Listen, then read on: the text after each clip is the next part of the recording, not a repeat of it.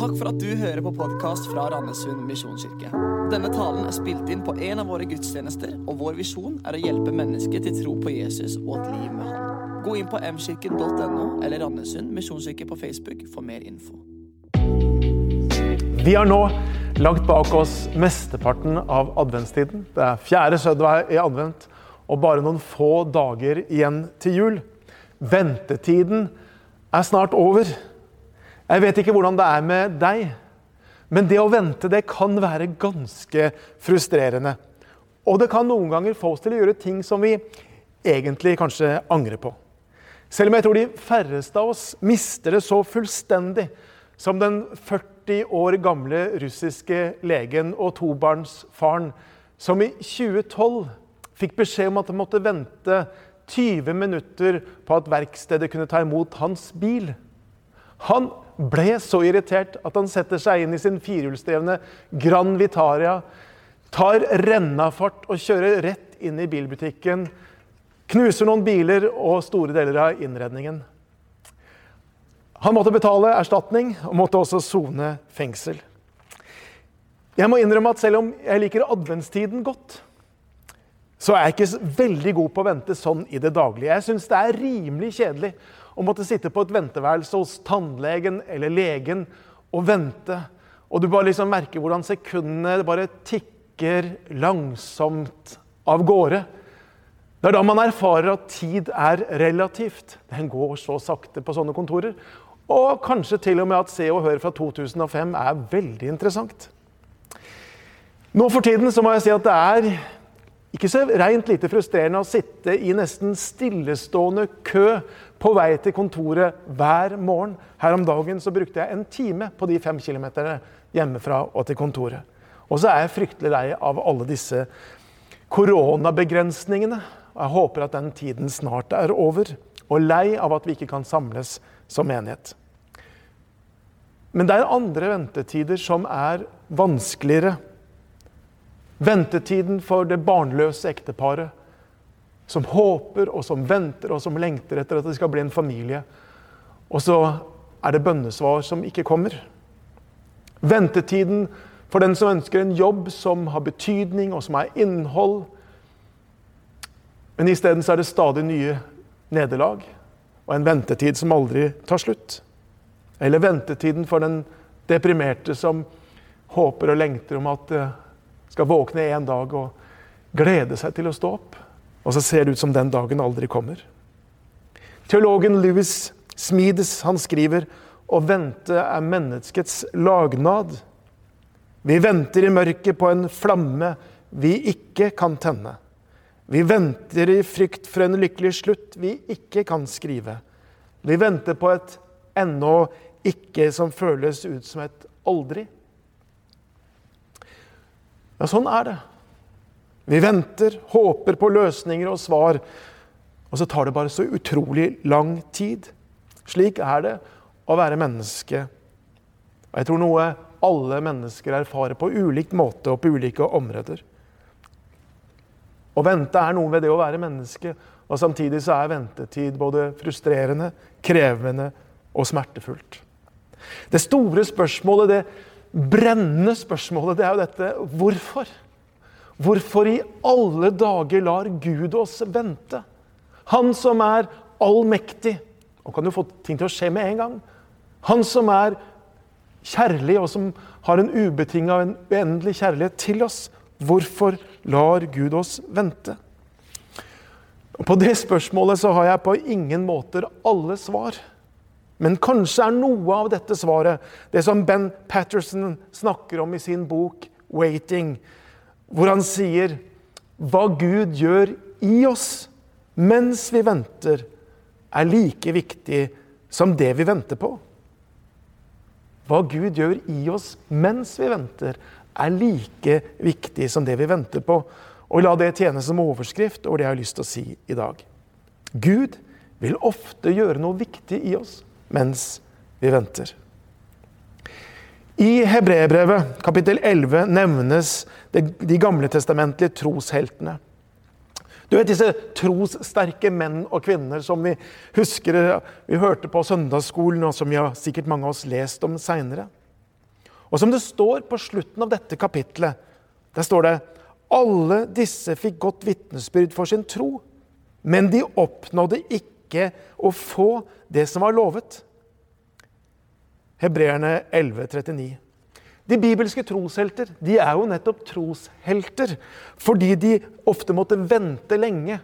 Og så gjorde det uten å miste perspektivet, uten å gi opp håpet. De levde i spennet mellom løfte og oppfyllelse. Og de gjorde det uten å gi opp. Tvert imot så ser det at mens de venter, så styrkes deres tro. Ventetid kan på sitt beste lære oss forventningsfull tro. Og det er det første jeg har lyst til å understreke. Ventetid kan lære oss forventningsfull tro. Gud kommer til Abraham når han er 75 år og gir han et løfte om at han skal bli far til et stort folk. Men det skjedde ikke noe der og da. Det skjedde ikke noe dagen etterpå eller neste dag. Han må faktisk vente 24 år til han opplever å bli far, og løftet kan bli oppfylt. Tenk for din egen del. 75 år og få et slikt løfte. En kan jo kjenne at det liksom begynner å haste litt. Men Gud har tid, og Gud lar Abraham vente. Og Abraham lærte, gjennom også å prøve og feile, nettopp denne forventningsfulle troen som gjør at han kalles for troens far. Gud kaller Moses til å lede Israel ut av slaveri i Egypt. Noe Israel måtte vente 400 år for å oppleve. Men også Moses må vente i 40 år. 40 år hvor han må gjete sauer hos sin svigerfar i Midian. Og Det må jo ha kjents rimelig meningsløst for Moses, som, som har dette kallet. Men gjennom denne tiden som både Moses og Abraham må vente, så gjør Gud de klar til den oppgaven han har for dem. Kan det være at det å la oss vente er en del av den prosessen som Gud bruker til å forme oss som menneske? At vi kan bli den mann og den kvinne som han vil at vi skal være. Og bygge i oss den tro som vi trenger for å være hans folk i den tid vi er satt i. Da Gud redder Israel ut av slaver i Egypt, så, så bruker Israel 40 år i ørkenen. De vandrer rundt omkring og tar lange omveier, for det er riktignok 80 mil mellom Egypt og Israel, men det er allikevel en strekning de fint kunne ha klart å gjennomføre på et halvt år. Men Gud lar de gå der i ørkenen i 40 år. Og hvorfor i alle dager det? Og Bibelen sier noe om det. Det står slik i 5. Mosebok kapittel 8 vers 2. Du skal huske den lange veien som Herren din Gud førte deg disse 40 år i ørkenen, fordi han ville ydmyke deg og prøve deg og få vite hva som bodde i ditt hjerte, om du ville holde hans bud eller ikke. Så Gud er mer opptatt av at Israel skulle nå det lovede landet og være forberedt, enn at det skulle skje så fort som mulig. Vi har lett for å tenke at det må skje nå. Og så har Gud noen andre perspektiver. Det er noe han ønsker å gjøre i oss mens vi venter. For noen år siden så kjente jeg at det var en litt sånn slitsom og krevende periode i eget liv. Jeg syns Gud ventet veldig lenge med liksom, å svare meg og bedre min situasjon. Det føltes faktisk som en lang ørkenvandring. Da var det en sjelesørger som sa til meg følgende Nå, nå har du en gylden anledning til å forske på eget liv. Legg merke til hva som skjer i deg. Hva du tenker, hva du tenker om det som skjer, og hvilke følelser som oppstår. Benytt denne muligheten til å lære mer om deg sjøl, sa denne sjelesørgeren. Og så er det kanskje ikke den type råd man har så veldig lyst til å få. Jeg ønsket en rask løsning, en quick fix. Jeg ønsket på ingen måte et forskningsprosjekt. Men i ettertid så er jeg ikke i tvil om at det var et veldig godt råd. Og så kunne jeg få lov til å gå gjennom den perioden uten at det ble bortkasta, men det kunne bli en læreperiode. Gud er ofte mer opptatt av å bygge karakter og tro i oss enn at vi skal få akkurat det vi vil, akkurat når vi vil ha det. Det andre jeg har lyst til å peke på, det er dette at ventetid kan lære oss en frigjørende ydmykhet. Jeg vet ikke om du har tenkt på det, men det er faktisk en direkte sammenheng mellom status og det om at det vente. Når du er på legebesøk, så må du pent finne deg i å sitte der og vente til det er din tur. Uansett hvilken rolle du ellers har i samfunnet. Ja, Der på legekontoret så er det legen som har den høyeste statusen. Og vi må vente tålmodig. Hvem som venter på hvem, definerer status i den situasjonen. Og Du kan jo forsøke å hoppe over venterommet neste gang og bare brase inn på et eller annet kontor og si at nå er det din tur, og du har time sånn og sånn. Det er ikke sikkert du blir så veldig populær. Og jeg tipper at I Norge er det få mennesker som statsministeren må vente på. Og det, det, det, liksom, det hadde ikke sømt seg. Det, det er litt uhørt, det å la statsministeren vente. Men om vår statsminister skulle besøke Amerikas president og måtte vente en halv time, ja, så hadde vi ikke reagert. Hvem som må vente på hvem, har noe med status å gjøre. Derfor er det noe ydmykende ved det å måtte vente. Og kanskje er det derfor det er så mange av oss som opplever det irriterende og frustrerende. Vi tvinges, når vi venter, til å lære at i denne situasjonen så er det ikke jeg som styrer, det er ikke jeg som har kontrollen. Mens vi venter, så lærer vi denne viktige lærdommen. Vi lærer at det ikke er jeg som styrer showet. At det ikke er jeg som har regien. Og På samme måte er det med Gud. Når vi venter på hans svar, på hans timing, så lærer jeg noe om at det dypest sett ikke er jeg som styrer. Det er ikke jeg som styrer Gud. Det er ikke jeg som har kontrollen. Det er ikke jeg som sitter med roret. Det er en annen som gjør. Og det å lære det er paradoksalt nok noe av det viktigste og faktisk også noe av det mest frigjørende vi kan lære. Klarer vi å leve med en bevissthet om at 'jeg er ikke Gud', så vil det kunne sette meg fri fra bekymring, som handler egentlig om å forsøke å kontrollere det som vi ikke kan ha kontroll over. Det handler om å bli fri vår iboende tendens til å manipulere andre og styre de. Det handler om å bli fri fra ulike typer avhengighet og bindinger. Og det er så mye av det som vi strever med i våre liv, som dypest sett handler om at vi ønsker en form for kontroll som vi ikke kan ha. Ventetid kan, om vi bruker den godt, lære oss sunn ydmykhet. Frigjørende ydmykhet. At det eneste vi kan, som også er det beste vi kan, er å legge våre liv i Guds hender og falle til ro i dette at Gud har kontroll. Han har styringen. I Salme 35, i Salme 37, 5 får vi dette rådet. Legg din vei i Herrens hånd. Stol på Han, så griper Han inn. Og I dette så finnes det også en frihet ved at vi overgir kontrollen til Han. Det siste jeg har lyst til å peke på, det er dette at ventetid kan lære oss tålmodig tillit. I den siste boken presten og psykiateren Henry Nuven skrev før han døde, forteller han om noen venner som var trapeskunstnere, og som kalte seg The Flying Rodellas. Du vet slike som gjør akrobatikk i store høyder, og som kaster seg ut i løse luften for å bli fanga av en av de andre. Og én ting som de fortalte Nuven, var at det er et helt spesielt forhold mellom den de kalte flygeren, dvs. Si han som kaster seg ut og som seiler gjennom luften, og han som de kalte mottakeren, han som henger klar til å ta imot. Man kan jo forestille seg at dette må være en, en viktig relasjon. Jeg tenker Særlig for han som kan kaste seg ut og fly gjennom luften 10-12 meter over bakken. Og Du har sikkert sett det, hvordan flygeren svinger seg fram og tilbake i trapeset, helt til tidspunktet er at han slipper taket Bevegelseenergien kaster han ut i luften.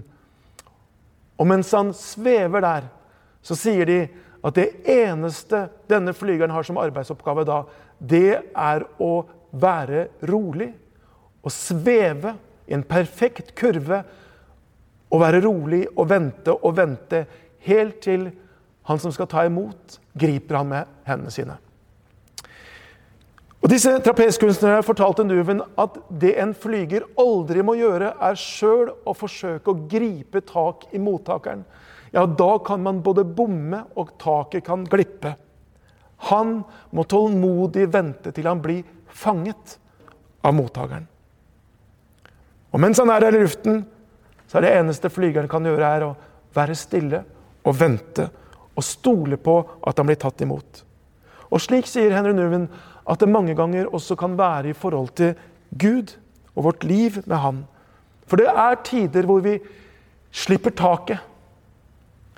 Tider hvor vi på en måte gir slipp på alt som er sikkerhetsnettet omkring oss, og så kaster vi oss ut.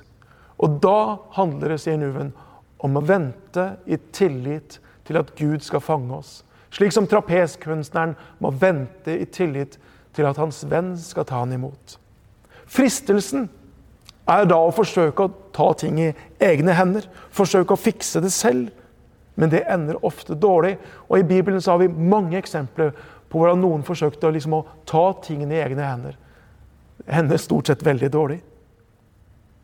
Isteden så handler det om å vente i tålmodighet og tillit på Han som har gitt sitt løfte. Og han sier i 5. Mosebok 31,8.: Han slipper deg ikke og svikter deg ikke.